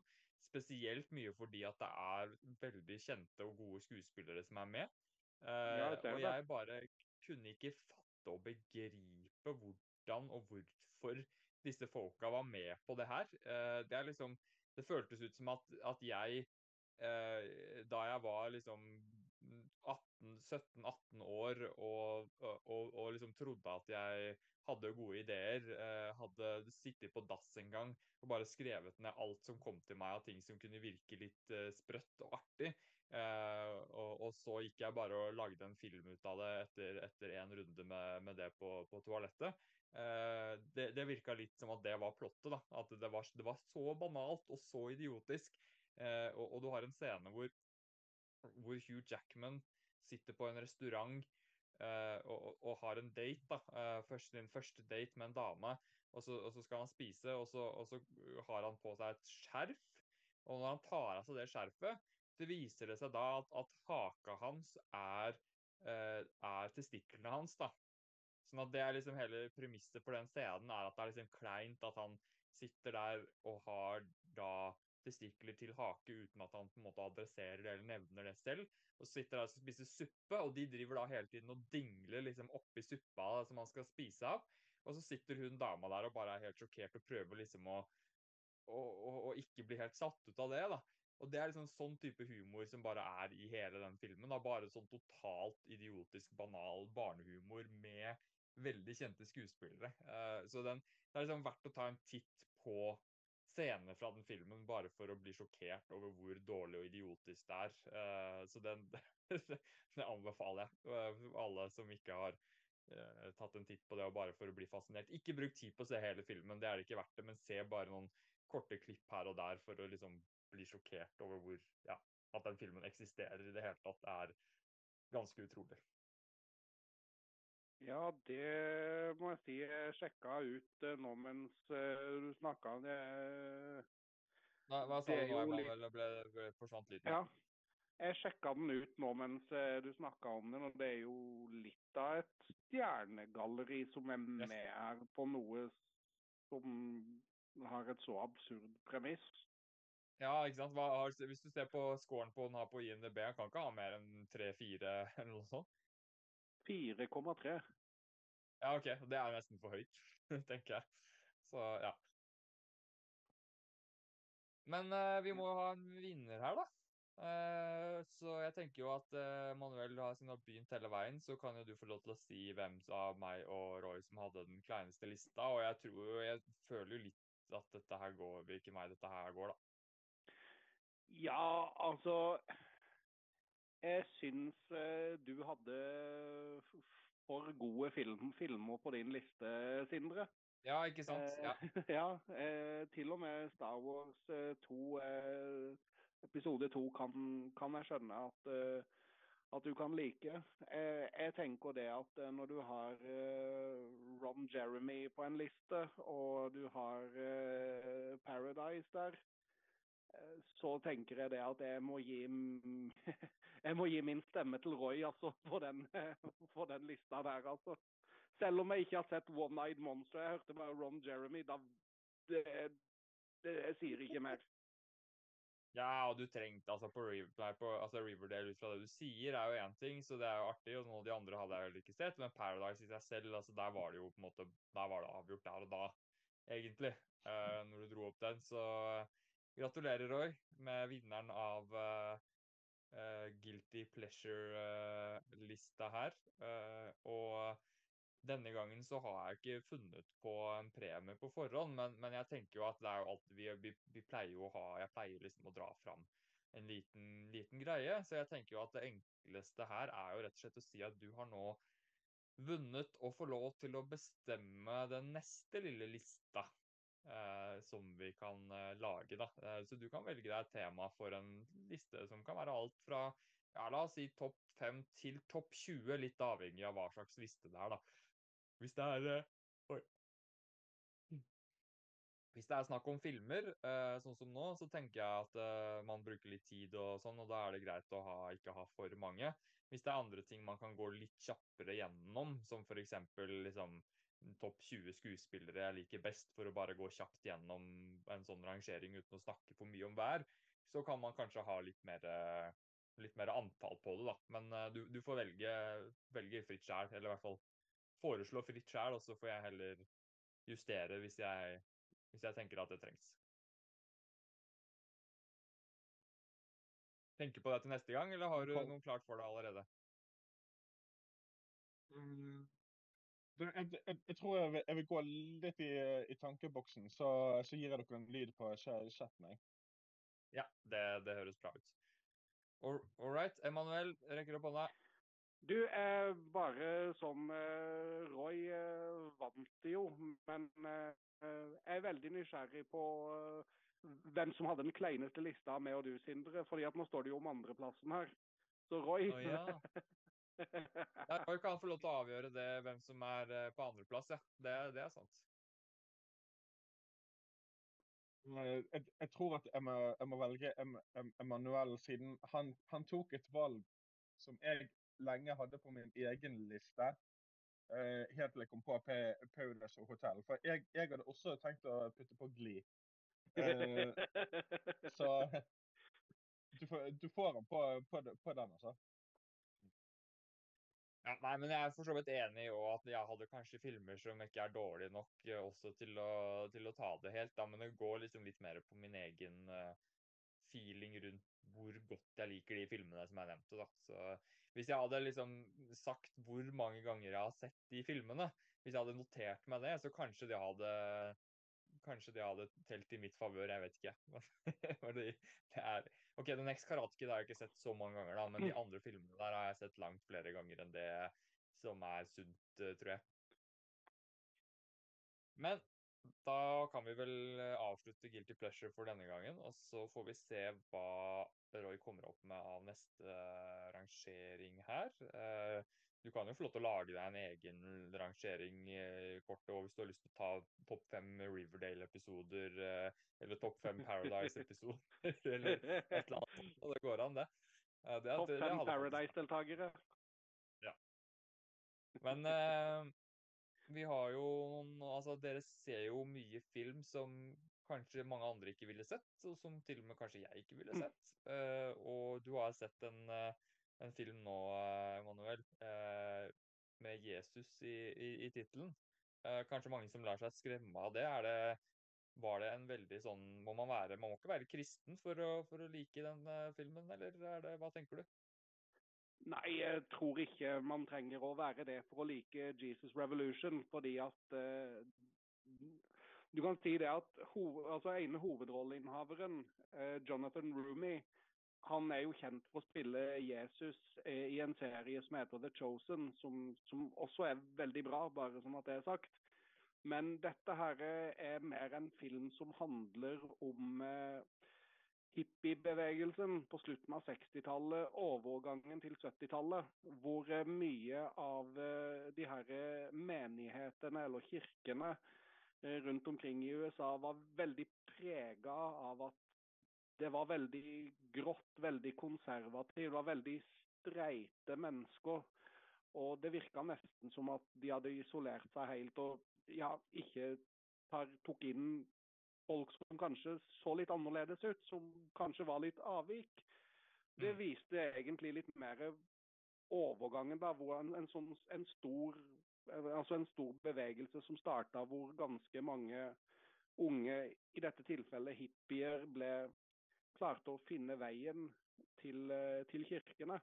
Og gjøre kirkene til et mer, til et mer åpent sted. Mm. Så jeg synes, eh, og det er basert på en sann historie og Selv om den karakteren eh, som er mest fremheva, Lonnie Frisbee, som Jonathan Roomy spilte, kanskje han ble litt sugarcoata i forhold til hvordan han var i virkeligheten. Fordi at han var en ganske kontrovers... Kan ha blitt oppfatta som ganske kontroversiell i de kristne kretsene. Så, så syns jeg allikevel det var, det var en fin fortalt historie som du, du trenger ikke Uh, du trenger ikke å være kristen for å, for å kunne se den filmen her og, og sette pris på den. Det, det var jo bl.a. mye sånn der eh, hvor du så unge mennesker som tok overdose og sånne ting som det der. Og, og i sin søken på sannheten og, og de tinga der. Så jeg, jeg ble ganske godt rørt av den filmen. Og 25.8 så har den eh, norgespremiere. Den har allerede gjort det knallbra i USA. Eh, og det er folka bak I Can Only Imagine, som er en av mine favorittfilmer som har laga den. Så jeg, jeg kan stå inne for den og anbefale folk å se den, selv om det er en mindre produkt... Altså, det er en såkalt indie-film, og, og det er en kristen produksjon, så trenger du ikke å være kristen for å kunne se denne filmen her, og kanskje til og med sette pris på den. For det er ikke noe moraliserende det er ikke noe sånn moraliserende film som en del av de kristne produksjonene ofte kan være. Nei, men jeg skal eh, notere meg den også. at Den eh, er nok ikke på toppen av lista mi, men, eh, men det er alltid kult å høre om indiefilmer og ting som er litt uh, annerledes. Så det er at du syns den var såpass bra. Eh, men er, den, eh, er det en wide release på kino nå? Ja, 25. august så, så blir den sluppet. Eh, Det er faktisk helt nytt, en helt ny distributør i Norge som heter Inspirasjonsfilm. Som, Ok. eh, som ble oppretta egentlig for å kunne lansere denne filmen for å kunne lansere denne filmen her òg. Så de kommer så den 25. august, da blir det wide release. Så de kjørte Det, det var helt full sal eh, på på, eller på førpremieren i går. Jeg var henne og snakka med kinosjefen og tøysa med ham og sa til ham ja, det er vel mer solgte billetter til denne ene forestillingen enn det dere har solgt eh, til sammen på The Flash. Og da lo han veldig godt når jeg sa det. Men eh, Ja. Så det, det, var, det var jo selvfølgelig ikke det. Men eh, eh, ja. Det er, det er en god film. Jeg syns den er verdt å se. Det, det syns Det er interessant at det var, så, at det var full sal.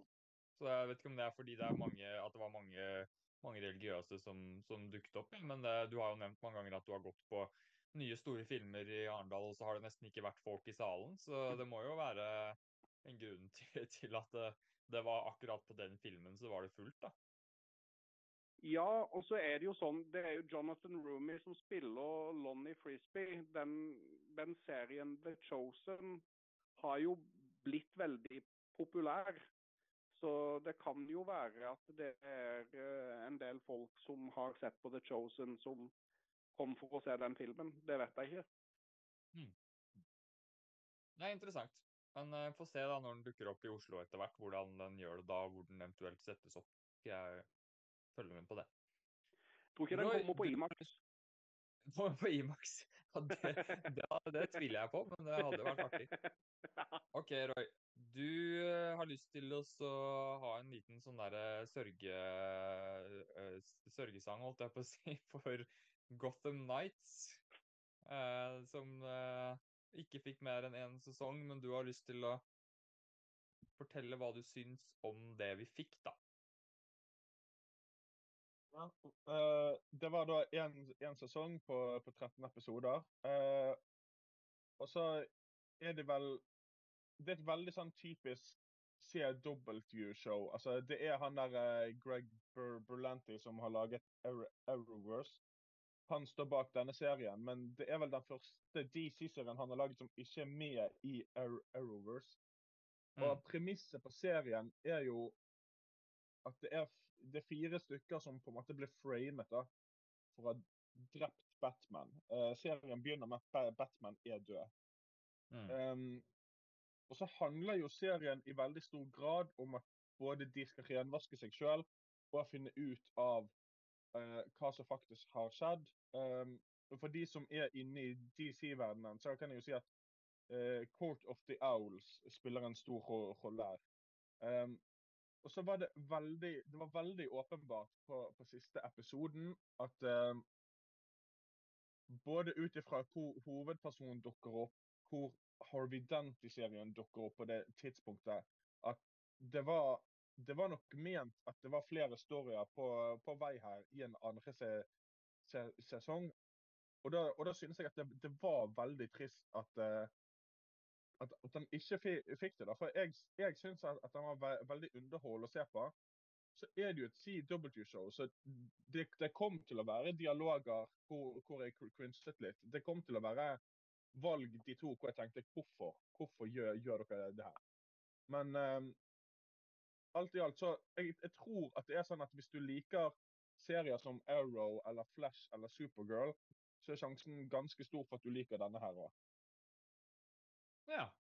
Mm. Ja, jeg har ikke sett noe særlig Supergirl, men uh, Flash og Arrow det hang jeg med på en god stund, selv om jeg falt av når de kom til type sesong seks og sånne ting. Men uh, jeg syns at det var ganske artig ganske lenge, så Og Batman-universet generelt er jo noe jeg ofte responderer veldig bra på, så det Ja. Det, det skal innrømme at det er veldig sjelden at jeg gidder å se serier som jeg vet har blitt kansellert, men, eh, men, hvis den på en måte har en god nok historie sånn isolert sett for seg sjæl, så kan det jo være verdt det. Så, så du tenker det at det, den er ålreit å se selv om man ikke får fortsettelsen, da? Ja, og så, hva, kan det være at, eh, at du da ikke kjenner litt på ah, Kjipt at, at vi ikke får sett på fortsettelsen på, på det, det, som de hinter til kunne ha skjedd videre. Men selve det mysteriet med hvem som drepte Batman, og det med å renvaske navnet sitt, og selve det mysteriet, det, det blir løst i løpet av, av uh, første se, se, sesongen. Ja.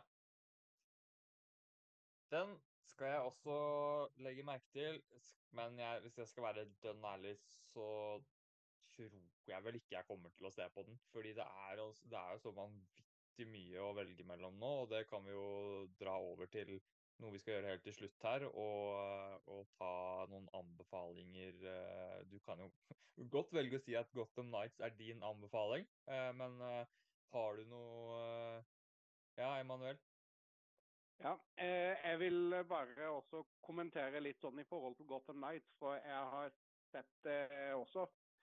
Eh, CW eh, har jo gjort det stort frem til nå med, med DC-serier. Og de har jo gjerne villet lykkes med noe fra Batman-universet. Og så er jo utfordringa deres er jo det at de får jo ikke tillatelse til å bruke de karakterene de helst vil bruke. Og når jeg først hørte premisset om denne serien her, ja, det handler om adoptivsønnen til, til, til, Bruce Wayne, til Batman, så tenkte jeg OK, er det en serie om, eh, om Dick Grayson? Nei. Er det en serie om Jason Todd? Nei. Tim Drake? Nei, det kan ikke være Damien Wayne, for han er jo den biologiske sønnen. Men her har de jo laga et premiss rundt en helt ny karakter som heter Turner Hayes, som uh, dør, som aldri fikk noe Robin-persona i det hele tatt.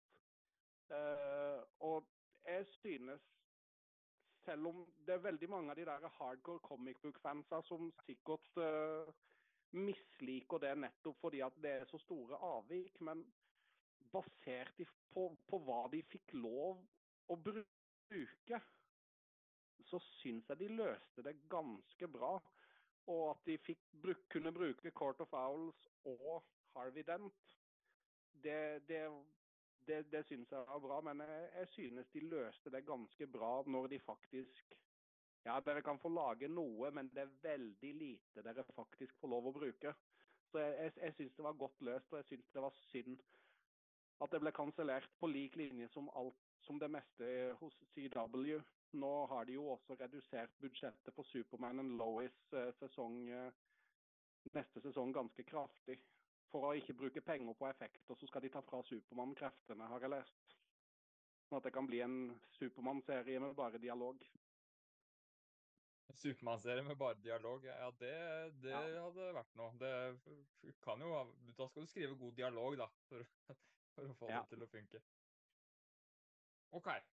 Uh, jeg eh, har jo Altså, jeg har alltid mange anbefalinger jeg kan uh, dra opp, men, uh, men, hvis jeg skal liksom dra opp noe som ikke så mange har sett, så, så sliter jeg litt mer i år, føler jeg, fordi jeg har litt stort sett de store blockbusterne, så liksom mange, mange store titler som jeg har brukt energien min på å se.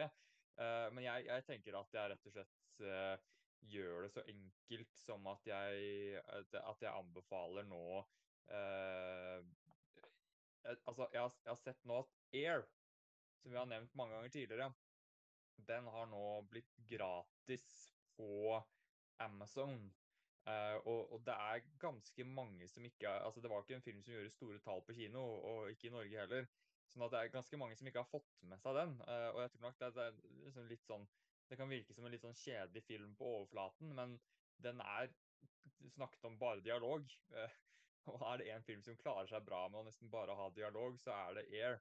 Eh, og, og, ja, har du Amazon, så se Air. Det, altså, få den gratis i en, i en, verden hvor de fleste storfilmer uh, ofte er filmer du må betale for å, for å se eller leie hjemme. Det at du da kan se den på en såpass billig streaming-app, og du kan se den gratis med en gang den har kommet ut, det er, eh, det er, det er bra. Eh, bra, for, eh, bra valuta for, for penga her, altså. Det, det, kan du skrive under på, Manuel. Du har vel fortsatt den yeah. på tredje, tredjeplass eller noe sånt på dine favorittfilmer i år? Tredje-fjerde eller noe sånt? Nå? Andre. Andre? Ja. OK. Ja, Nei, så det, det, sier jo litt da med så mange gode filmer som har vært i år, og hvor mange du har likt godt. da. Så uh, Air er min sånn uh, ja, kan kalle det et slags gjenbruk da, av, uh, av anbefalinger, siden den er ute på streaming. Roy, har du, du, så du Air, du? Ja. Jeg, jeg har en foreløpig på, på, på, listen min, så er han på 15.-plass. Men jeg, jeg teller også med filmer fra november og desember i fjor på listen min. Ja, ikke sant. Så, altså filmer som jeg, hadde eh, premiere i Norge i år, liksom, men som hadde kommet i USA i november og desember? Nei, altså tingen er at jeg, jeg, jeg pleier da på, på Facebooken min å, å, lage en slags uh, julekalender over liksom topp 25-plasseringen min. Så da begynner jeg listen fra november til oktober. Mm. OK. Ja, ja. Nei, det er jo Man jo, man lager jo sånne lister sånn som man vil, så det Men ja. Men, det, men da likte du den kanskje ikke så godt, da, som, uh, som meg og Emanuel. Men uh, du har jo sett mange filmer, så 15.-plass er jo ikke nødvendigvis dårlig. For, for å si det sånn, 15.-plass tilsvarer 8 av 10. Så det, det ja, er mer liksom ja. ja. ja. Men hva, hva, bare hva, ut, hva, hva, hva er din sisteplass, og hvilken score har din sisteplass? Min sisteplass heter 'Hanfe i trøbbel'. Eh, det er en, anim, anim, det er en an, animasjonsfilm eh, som jeg tror egentlig ble laget i Tyskland. Eh, det, det, er en ba, barnefilm med ingen eh, sympatiske karakterer whatsoever. Uh, og den, den har fire av ti. Fire av ti, ja. OK. ja. Nei, altså det er, jeg, altså, det, det er, så kult at jeg har med dere, fordi dere altså, det ser noen filmer som jeg aldri hadde hadde ikke visst eksisterte engang. Så, så det, det, dere må pushe meg litt til å se litt sånn ting utenom det, det vanlige, altså, fordi jeg er litt for sånn mainstream uh, i, i filmtittinga mi. og har vært det i noen år nå. Så men den, den, virket ikke som den jeg kanskje skal bruke tida mi på, da. Uh, men uh, Nei. Nei. du har nei. sett den, du også? Nei, nei. nei, nei, ikke. Du har ikke sett den. Nei. OK. Ja, nei, men altså, Det er jo litt interessant det med rating. da, Jeg har nevnt det tidligere med, med sånn hva jeg altså Jeg bruker den skalaen litt annerledes, men jeg har på en måte innsett det at det er, det er ekstremt sjeldent at jeg gir lavere enn en fem av ti selv om det selvfølgelig har skjedd. Og så er det ganske sjelden at jeg gir høyere enn 7 eller 7,5 uh, av 10. da. Uh, så jeg har liksom Ja, jeg føler det meste av film, siden jeg er ganske sånn åpen, åpent sinn i forhold til mange filmer, så er det veldig sjelden at jeg virkelig misliker en film. Men så skal det også veldig mye til for at jeg virkelig, virkelig digger en film, da. Så man kan jo si at jeg er litt sånn kresen i begge retninger, da. Uh, så det, det er litt sånn sprøtt, egentlig, når jeg går gjennom ratingene jeg har gjort i IMDb. og sånn, Fryktelig mye som ligger på seks av ti og syv av ti. Eh, veldig lite som ligger på, på åtte og oppover i forhold til hva mange andre ville hatt. da. Så, så for eksempel i år så eh, tror jeg bare det er én eller to filmer jeg har sett som jeg mener liksom jeg kan, kan vurdere å, å gi åtte av ti. Eh, og det betyr ikke at ikke jeg syns det har vært et bra filmår. Det er bare, jeg bare har hatt et litt sånn sær måte kanskje kanskje jeg trenger å revurdere måten jeg bruker den poengskalaen på, liksom. Fordi jeg tror folk, i hvert fall hvis jeg skal gjøre det på kanalen, så blir folk litt sånn forvirra når jeg liksom snakker veldig varmt om en film, og så gir jeg den bare syv av ti. Så er det mange som bare sånn Ja, men syv av ti, det er jo ikke så bra. For meg så er det, så er det bra. Uh, så det, ja. Jeg vet ikke. Hva, hva, hva, tenker du, Emanuel? Du som gir mye ni av ti og ti av ti og sånn. Er, det liksom, er jeg for streng på den måten jeg bruker den poengskalaen på? Mm, nei, det synes jeg ikke. Jeg tenker det at det er mer det at eh, du, eh, du ser ikke nok dårlig film. Nei, det kan godt være jeg, jeg har et sånt motto altså For å sette pris på de gode filmene, så må man se, de der, så må man se en del av de dårlige filmene også. Ja, og, det er kanskje sant. Og det er klart, og det er klart altså jeg, Sånn som i fjor, med sånn 587 filmer, så var, det, mm. så var det en del av de som var, som var skikkelig stinkers av de filmene jeg så. Og hvis jeg går inn og ser på IM Jeg, jeg husker jeg så en sånn en film som heter 'Flukten fra Auschwitz'. Og jeg, jeg, gikk inn på og så på IMDb at denne her har 1,1 eller annet sånn i score. Da tenkte jeg nå er jeg nysgjerrig. Jeg kan en film som handler om å flykte fra Auschwitz være så dårlig? Og ja. ja. Det, det, det, kan, det, kan, det være. Det var krenkende dårlig, egentlig. Men eh, altså for å kunne sette pris på altså jeg tenker at Hvis du hadde sett mye mer av de dårlige filmene, så tror jeg skalaen din hadde flytta seg litt. Så tror jeg skalaen din hadde flytta seg litt høyere. For da tror jeg du hadde sett kontrasten. Men igjen, det betyr at da er du òg mer bevisst på hva du faktisk ser. At du oppsøker gjerne filmer, mer av de filmene du vet du kommer til å like. Det er sant. Så det er et godt poeng. Så spørsmålet er har jeg lyst til å bruke tid på mer dårlig film. Men samtidig så er det jo, som du sier, sikkert sant at hvis jeg hadde sett uh, f.eks. Uh, uh, Air, da, rett etter at jeg hadde sett en rekke andre dramafilmer som jeg vanligvis kanskje ikke ville sett, som var en fire av ti, uh, så hadde jeg kanskje gitt den uh, enda høyere score enn det jeg har, gjort. Da. Så det, det, var et godt poeng som jeg ikke har tenkt på. Kanskje rett og slett at det er det som er problemet mitt. At jeg ikke, at jeg ikke er nok spenn i kvaliteten på filmer jeg ser. Så ja, kanskje jeg rett og slett må sette meg ned og så se noen av de filmene dere har på bunnen av lista deres, for å se hva som skjer med, med det. Ok, uh, Emanuel, du skulle vel kanskje få lov til å anbefale noe du også? Uh, ja, Uh, jeg vil komme med en anbefaling på en film som jeg har sett for lenge siden, men jeg bare så det at den ligger på, på Viaplay. Og Det er en veldig enkel, liten film. Ligger inne på Viaplay som Hachiko, A Dog's Story. Det er basert på en sann historie og egentlig en remake av en japansk film som handler om en lojal hund ikke, nå kan det kanskje høres ut som det er en sånn typisk eh, barnehundefilm, men det er egentlig en film om en hund som står på utsida av togstasjonen og venter på eieren sin hver dag. Eh, selv om han har gått bort for lenge siden, så blir han stående mm. lojal og venter på utsida av togstasjonen. En enkel, veldig, veldig enkel film, men allikevel effektivt gripende, sånn som jeg ser det. Så Hachiko av Dog Story på Viaplay er en film jeg vil anbefale folk å se. Ja. Mm. Du drar stadig vekk opp ting som jeg ikke har uh, vært oppmerksom på. Så gøy. Og spesielt når det er ting som er lett tilgjengelig og er billig òg, så er det jo veldig lett å uh, gi det en sjanse. Ja. OK.